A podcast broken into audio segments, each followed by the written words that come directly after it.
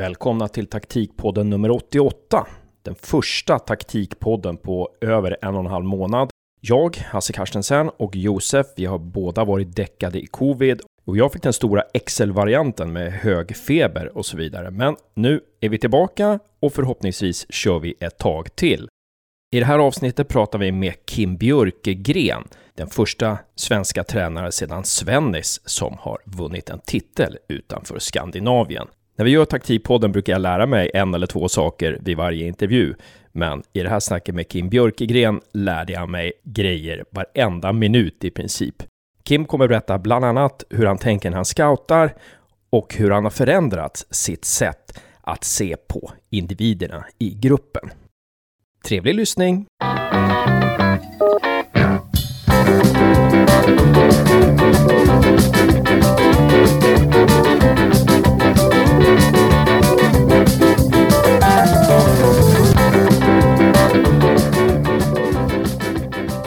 Välkommen till Taktikpodden säger vi till Kim Björkegren. Tack så mycket.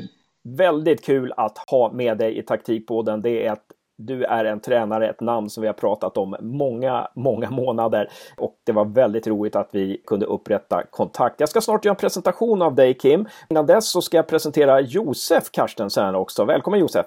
Tack så mycket! Och Josef, du är snart klar med din Bachelors degree på Linnéuniversitetet i Växjö och du scoutar för lite olika svenska lag också, så det är kul att du är med. Ja, Kim, då ska jag göra en liten presentation av dig. Du har jobbat som tränare i Karle, i Kisa, Älta, Gåtjod, Hovås Bildal, Linköping, Beijing BG Phoenix i Kina och Apollon Ladies FC på Cypern där du för bara några veckor sedan alltså blev cypriotisk mästare och den andra svenska tränare sedan Sven-Göran Eriksson att bli mästare i en klubb utanför Skandinavien och den första svensk som blir utländsk mästare inom damfotboll. Vad säger du om den presentationen? Perfekt, perfekt. Du fick med allting.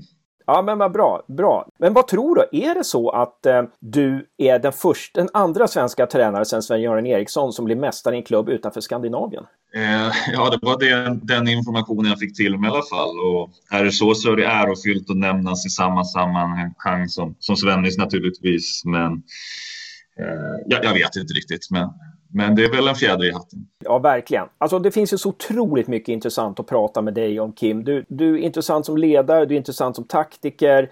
Men vi börjar någonstans, får vi se var vi landar. Alltså, I en intervju så sa du, som jag lyssnade på, som var gjord kanske för två år sedan, så sa du att du vill utvecklas som ledare och lära dig jobba med grupper. Så vad är de viktigaste lärdomarna du har gjort som har lett till att du kan få ut ditt budskap?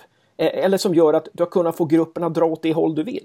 Eh, jag började som seniortränare för 15 år sedan ungefär. Eh, och jag utgick mycket från att man ska behandla andra som man själv vill bli behandlad. Jag har redigerat den där bilden lite grann och jag försöker behandla människor som de vill bli, bli behandlade istället. Vi är olika som människor, har olika behov och man måste försöka se varje individ eh, lite mer än att bara behandla alla exakt likadant tror jag. Så det är väl den lärdomen som jag har tagit med mig och gjort att det har fungerat bra oavsett om jag har varit i, i Lilla Grästorp eller om jag har varit i Beijing exempelvis. Är det någon skillnad på hur ska man säga, de olika personl personlighetstyperna som finns när du har tränat så många olika lag runt om i världen? Ja, det tycker jag absolut det. Eh, jag har ju varit i kanske den största kontrasten från ett svenskt perspektiv i Kina så att säga. Eh, som är väldigt annorlunda och där man är väldigt styrda och lite kvävda kanske till och med ibland. Så att det är klart att det finns väldigt stora kontraster. Det finns ju inom Sverige också, men just Kina kopplat Sverige så, så är det många mils avstånd.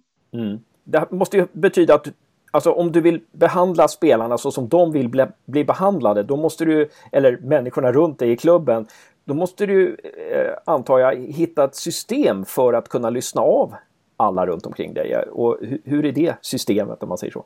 Jag tror jag som många tränare gör att man inledningsvis försöker boka in ett möte med samtliga spelare eh, så man skaffar sig en snabb uppfattning i hur de är som människor och även vad de tycker och tänker kring fotbollen, vad deras mål är.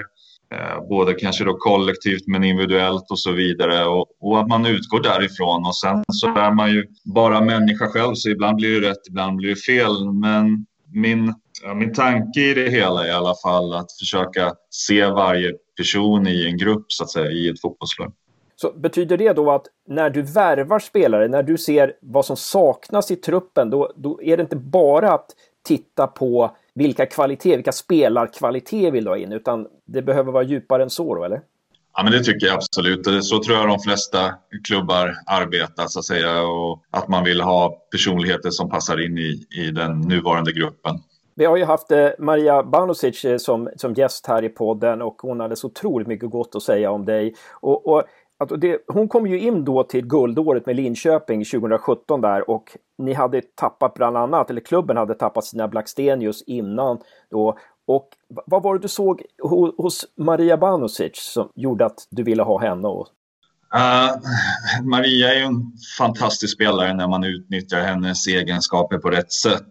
Uh, däremot så är det väl ganska många som har försökt att ändra på både personligheten och fotbollsspelaren Maria och då får du ju inte ut i närheten så mycket av hennes kunnande. Så, så där var det väl en balansgång i att jag fick hitta en, en roll som skulle passa henne på planen eh, och hon fick utföra den. Eh, och i slutändan så blev vi båda vinnare. Eh, både individuellt men även kollektivt eftersom vi vann ett SM-guld. Hur var det med Banusic? Spelade hon mer, eh, var hon mer av en, blev hon mer en tia då eller i ditt system eller hur var det? Ja, det skulle man kunna uttrycka det som. Eh, när jag kom till Linköping så var tanken i alla fall, eh, informationen jag fick från klubben att vi skulle plocka in två anfallare till eh, mot den klubb, eh, trupp som fanns då. Eh, det, var, det blev inte så av olika anledningar. Jag kom med förslag på spelare som klubben inte eh, tyckte var tillräckligt intressanta och vi lyckades inte lösa någonting annat heller. Ehm, jag ville ha in lite yngre spelare. Bland annat fanns det spelare som hette Anna Andvegård som spelade i division 1 då tror jag om jag inte minns fel och även Sigotti Olme spelade i Bollstanäs. Men klubben tyckte inte att de var tillräckligt intressanta ens på sikt, eh, vilket jag tror de ångrar kanske idag. Eh, I slutändan så värvade vi ingen forward. Det gjorde att vi fick tänka om lite. Stina Blackstenius hade funnits där sedan innan som är en djupledsgående anfallare. Eh, den spelaren hade vi helt enkelt inte. Vi hade egentligen ingen solklar forward, så att säga, central forward. Eh, så vi fick jobba med Maria som en mer tia, eh, som du säger, eh, som i, i spelets sista tredjedel mer egentligen droppade ur från mål om man kan uttrycka det så. Eh, och sen så hade vi djupledshot från kanterna istället. Eh, men vi hittade en bra balans på, på planen och även vid sidan av planen och det har varit lyckat. Jag reagerar på det där du sa med eh, Anna Anvegård och Sigotti Olme. Upplevde du att det fanns bristande kunskap hos, eh, för, hos styrelsen eller ledande inom Linköping som... För du såg ju någonting hos de här spelarna som... Eh, ja, de blev ju väldigt framgångsrika på sikt också, men klubben såg ingenting. Vad ska jag komma med det här? Det är väl Ja, men jag tycker det var skitbra ingång. Vad är det, vad är det klubbar behöver bli bättre på för att, för att upptäcka de här spelarna? Eh, ja, det är en bra fråga. Jag tror man måste veta vad man söker för någonting eh, och varför man söker det. Eh, även att man kanske i ett svenskt perspektiv nu så måste man ju hitta talangerna lite tidigare. Eh, Linköping exempelvis för fem, sex år sedan hade ju möjlighet att plocka alla spelare om de ville i hela Norden. Riktigt så ser det inte ut nu utan det finns ju konkurrens från inte minst England så att eh, vi måste nog från ett svenskt perspektiv bli lite bättre på att hitta spelaren tidigare och kontraktsmässigt sett kanske skriva längre kontrakt. Också. Mm. För du har ju en talang att se saker, för det har ju du sagt också att du vill ju ha in spelare som, som spelade i lägre serier. Eller nej, i jag tror att du hade sagt att i, liksom i egna akademin, Linköpings egna akademin, du ville flytta upp vissa spelare som, Eh, som klubben inte ville och de spelarna har sen liksom utvecklats och, och, bevisat att de är bra. Men vad är det du tittar efter när du letar spelare? När du tittar på spelare på lägre nivå, hur, vad är det du letar efter för att kunna ah, se att de här kommer lyckas även på en högre nivå? Jag kan ge ett exempel. Jag har jobbat som eh, motståndaranalys för flertalet landslag. Eh, jag har jobbat för klubblag och hjälpt till att scouta spelare, motståndare och så vidare åker jag och kollar på en division 1-match, herrar exempelvis, och hjälper ett herrallsvenskt lag med att scouta spelare, så vill jag att kvaliteten ska vara så uppenbar så jag, vill inte, jag ska inte behöva titta i mitt sms vem det är de vill kika extra på. Det har funnits fall jag åkt och kikat på en halvlek först för att se finns det någonting som kommer till mig och sen öppnar jag sms och kollar vilken spelare de vill att jag skulle titta på och gör jag i halvtid. Eh, jag ska inte behöva sitta och leta efter den individuella kvaliteten. Den ska komma till mig. Sen vad den är, det kan ju vara olika. Det kan ju vara att en första touch eller en snabbhet eller bara att man är helt dominant. Men man måste ju sticka ut tycker jag om man ska upp och spela på högre nivå. Mm. Kan det räcka att det finns en spetskvalitet liksom? Den här har en sån intressant spetskvalitet så att den kan utveckla, den här spelaren kan utveckla de här andra grejerna sen? Ja, det tycker jag absolut är det. Det beror på helt vilken spelartyp det är, men men det, det, är klart att man kommer långt med en riktigt bra spetsegenskap, det tycker jag. Det är spännande till exempel med eh, Ludvigsson, Gustav Ludvigsson i Hammarby som eh, Örgryte ett tag flyttade ner till division 2. De trodde inte tillräckligt mycket på Och nu är han, han gjorde 11 mål sitt första år någonting i Allsvenskan. Galet liksom hur, hur, hur det kan bli. Men, eh... mm. Men någon, i och med att du har haft en talang anser jag också, att du ser vart de olika kvaliteterna passar in. När du väl scoutar motståndare, letar spelare för ditt egna lag eller andra lag. Upplever du någon gång att du hittar en spelare där vars hur ska man säga, spetskvaliteter inte kommer till rätta i den nuvarande klubben? Ja, men självklart. Det är ju väldigt vanligt tycker jag. Att det är så att man, att man ser en spelare som inte används på rätt position eller med rätt arbetsuppgifter. Eh, så, visst, så kan det vara i, i ganska många fall tycker jag. Vad det som står, är det någonting som off, alltså, är väldigt förekommande inom, inom en svensk kontext?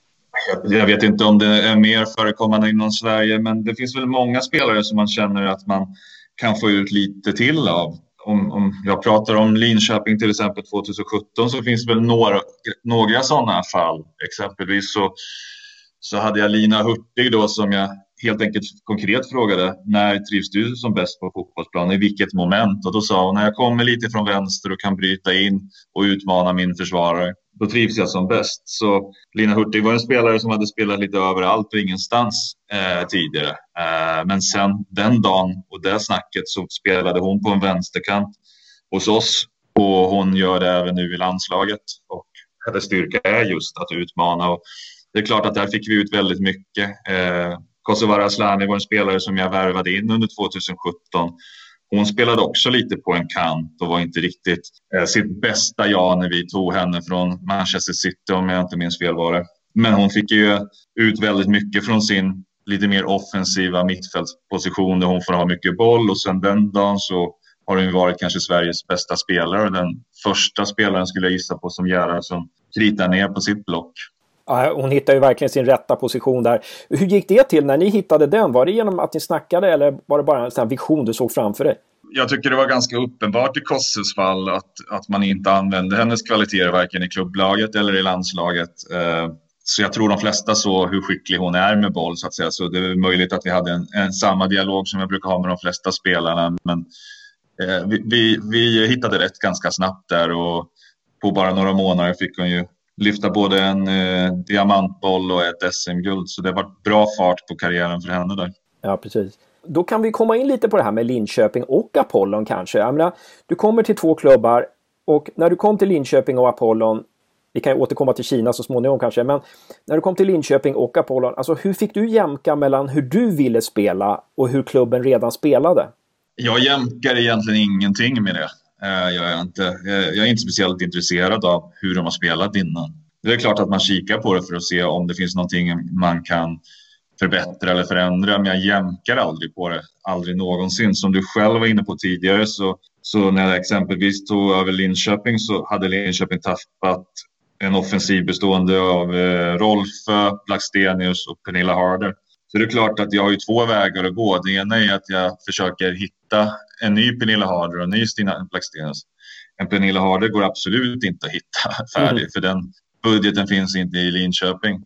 Eh, så ska jag ta in någon så kommer det att bli en spelare som har sämre kvalitet än Pernilla och det innebär att vi kommer i slutändan bli en blek kopia av det Linköping som Martin Sjögren byggde upp.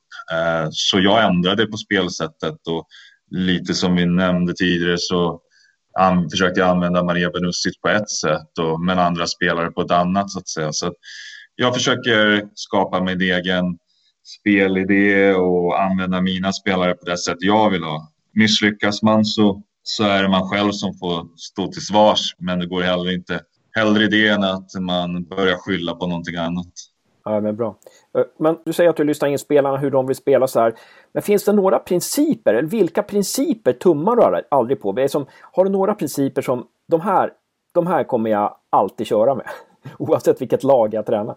Nej, inte direkt kan jag väl inte säga. Eh, jag har en förkärlek att använda tre centrala mittfältare. Det, det, vet jag inte om man kan säga en princip eller inte, men, mm, men det skulle väl vara den. Annars har jag, har jag spelat på många olika sätt och med olika spelartyper och olika formationer och så vidare. Så det är väl den enda att jag vanligtvis spelar med tre centrala. Varför väljer du att spela med tre centrala?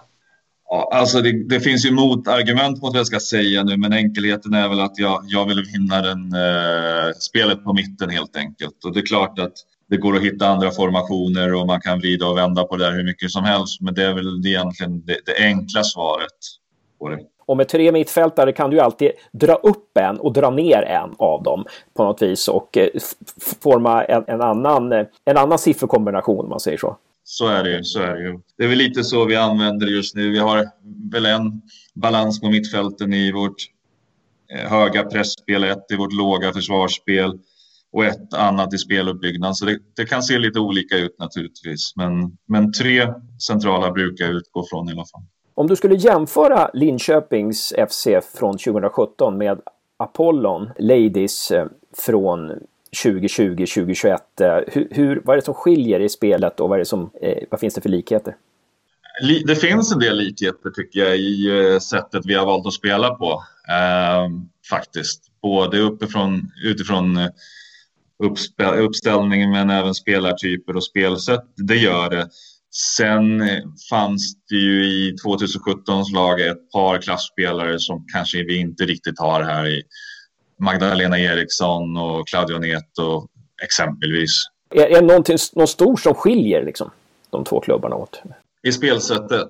Eh, ja, ja, men det, det, gör det väl. Våran, som vi var inne lite på tidigare här, Maria Banusic som vi använde som centralforward. Eh, Ehm, gick, eh, var ju en spelare som vi inte använde så mycket i djupledsspel. Eh, Medan här har vi en väldigt duktig amerikanska som heter Christina Freda som vi använder desto mer i djupledsspelet. Så vi, vi, blir lite snabbare i vårt anfallsspel upplever jag.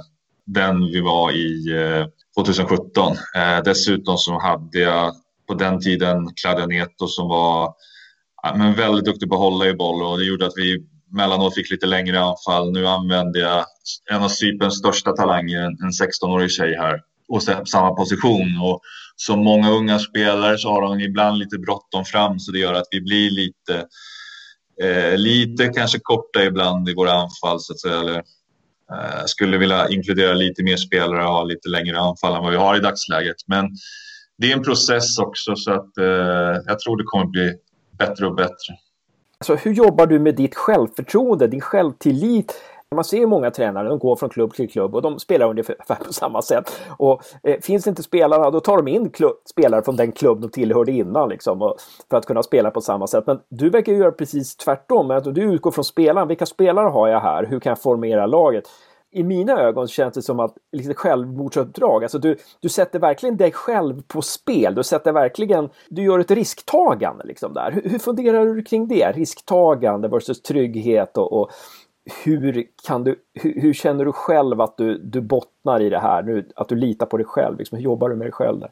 Ja, men det är en ganska bra fråga tycker jag. Jag är, är orädd som människa och jag har fått många gånger höra att jag har tagit uppdrag som är självmordsuppdrag mer eller mindre.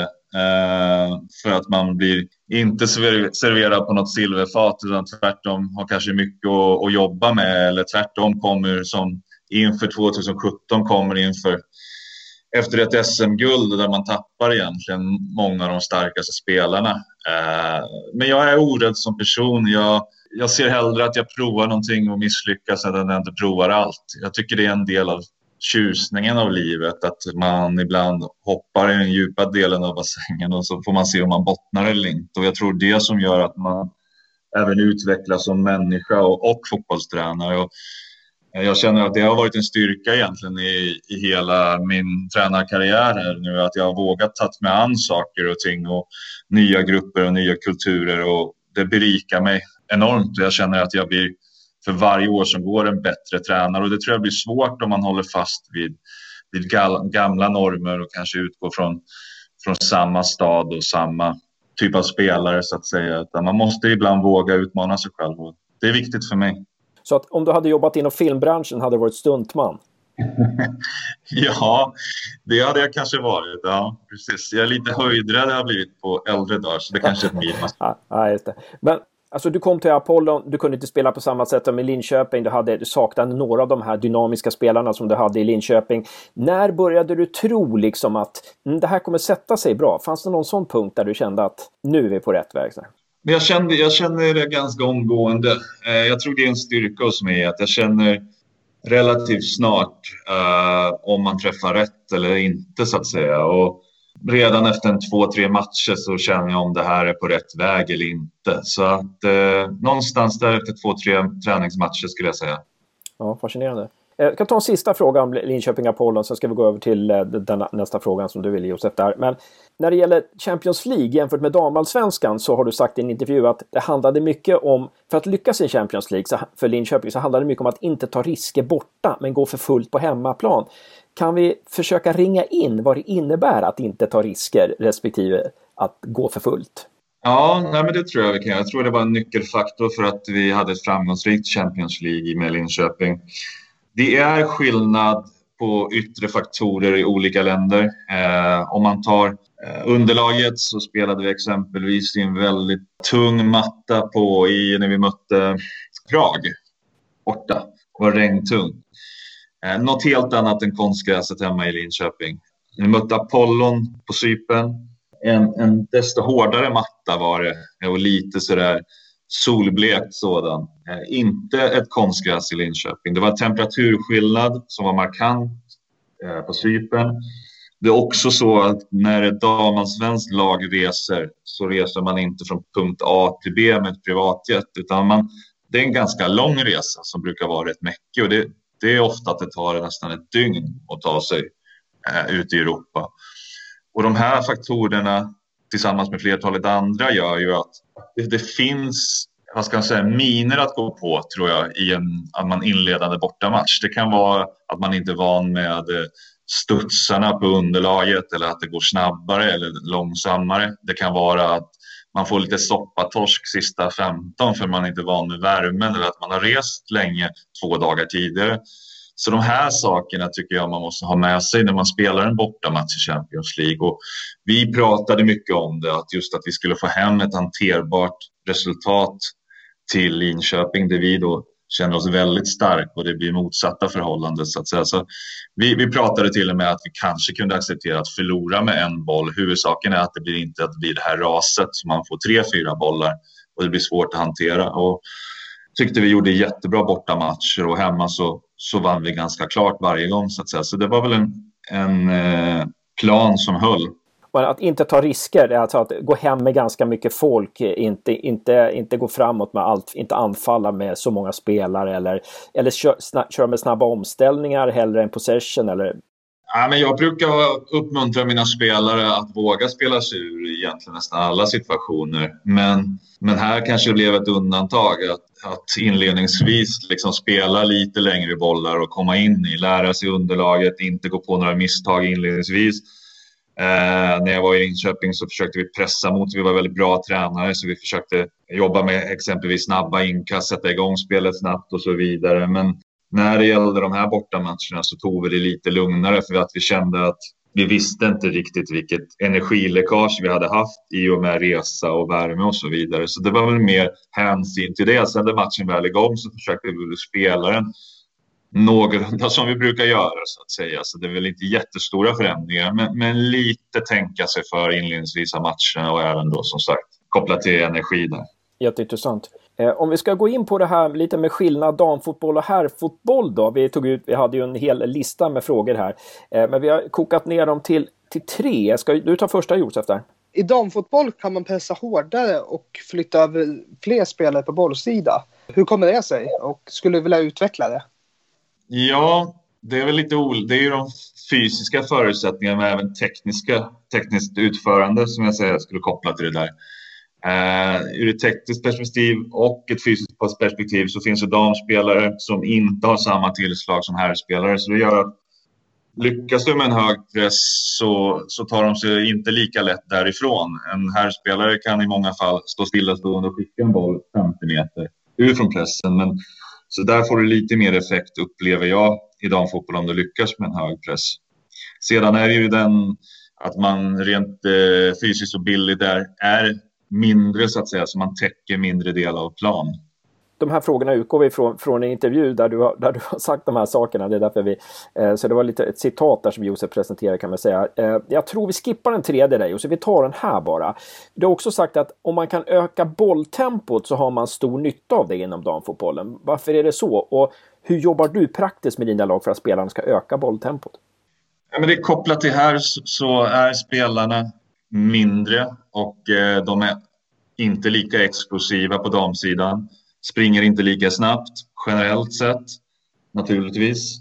Det gör ju att med ett högt bolltempo, om man kan förflytta bollen från en sida till en andra exempelvis, så, så får du eh, mer gräs att spela på. Eh, och det är klart att det är fördelaktigt. Hur man praktiskt gör det så så är jag väl ingen trollkarl utan det handlar väl mer om att påpeka det dagligt eh, att, att de ska slå hårdare passningar helt enkelt. Och jag jobbar väldigt mycket med att de gör passningar från sina utgångspositioner. I nästan eh, dagligen gör vi det i vår träning och det är klart att det ger ju en trygghetskänsla samtidigt som att det ger en ökad kvalitet i det vi gör.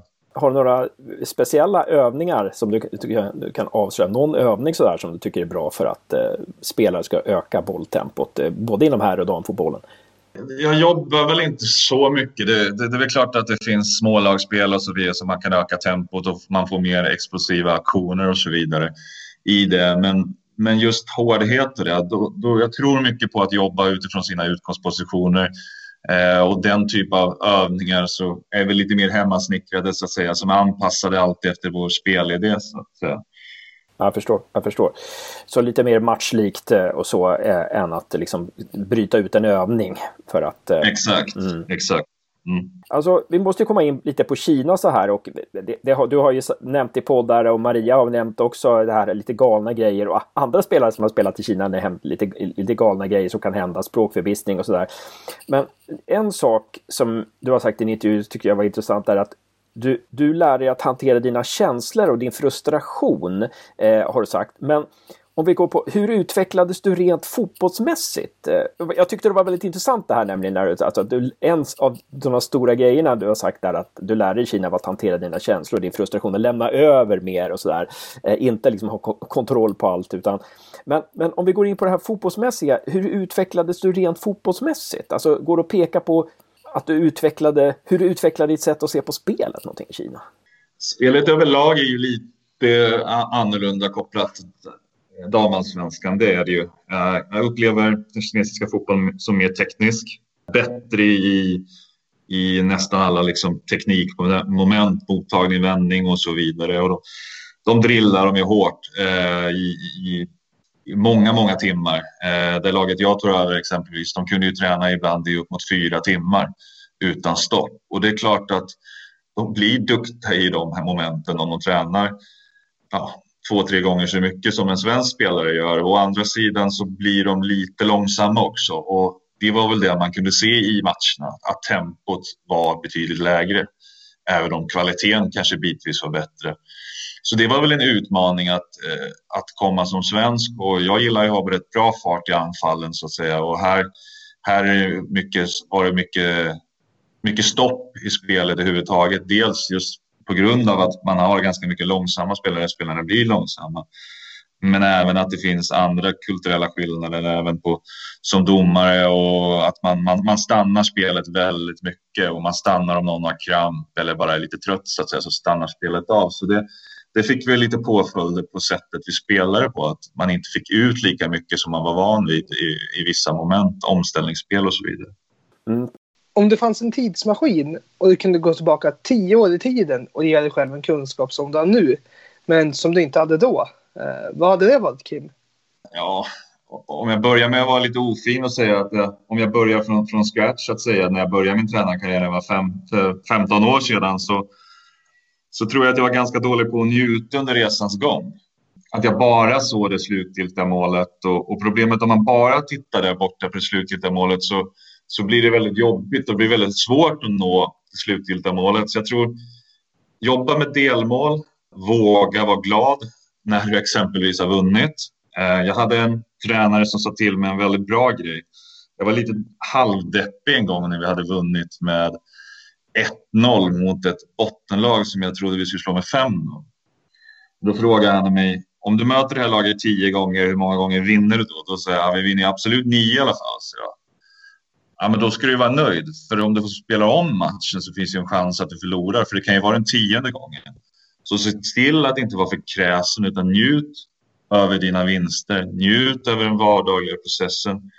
Njut över att vara där du är. Så det är någonting jag tar till mig att se till att göra det bästa varje dag. När det går bra, njut av det.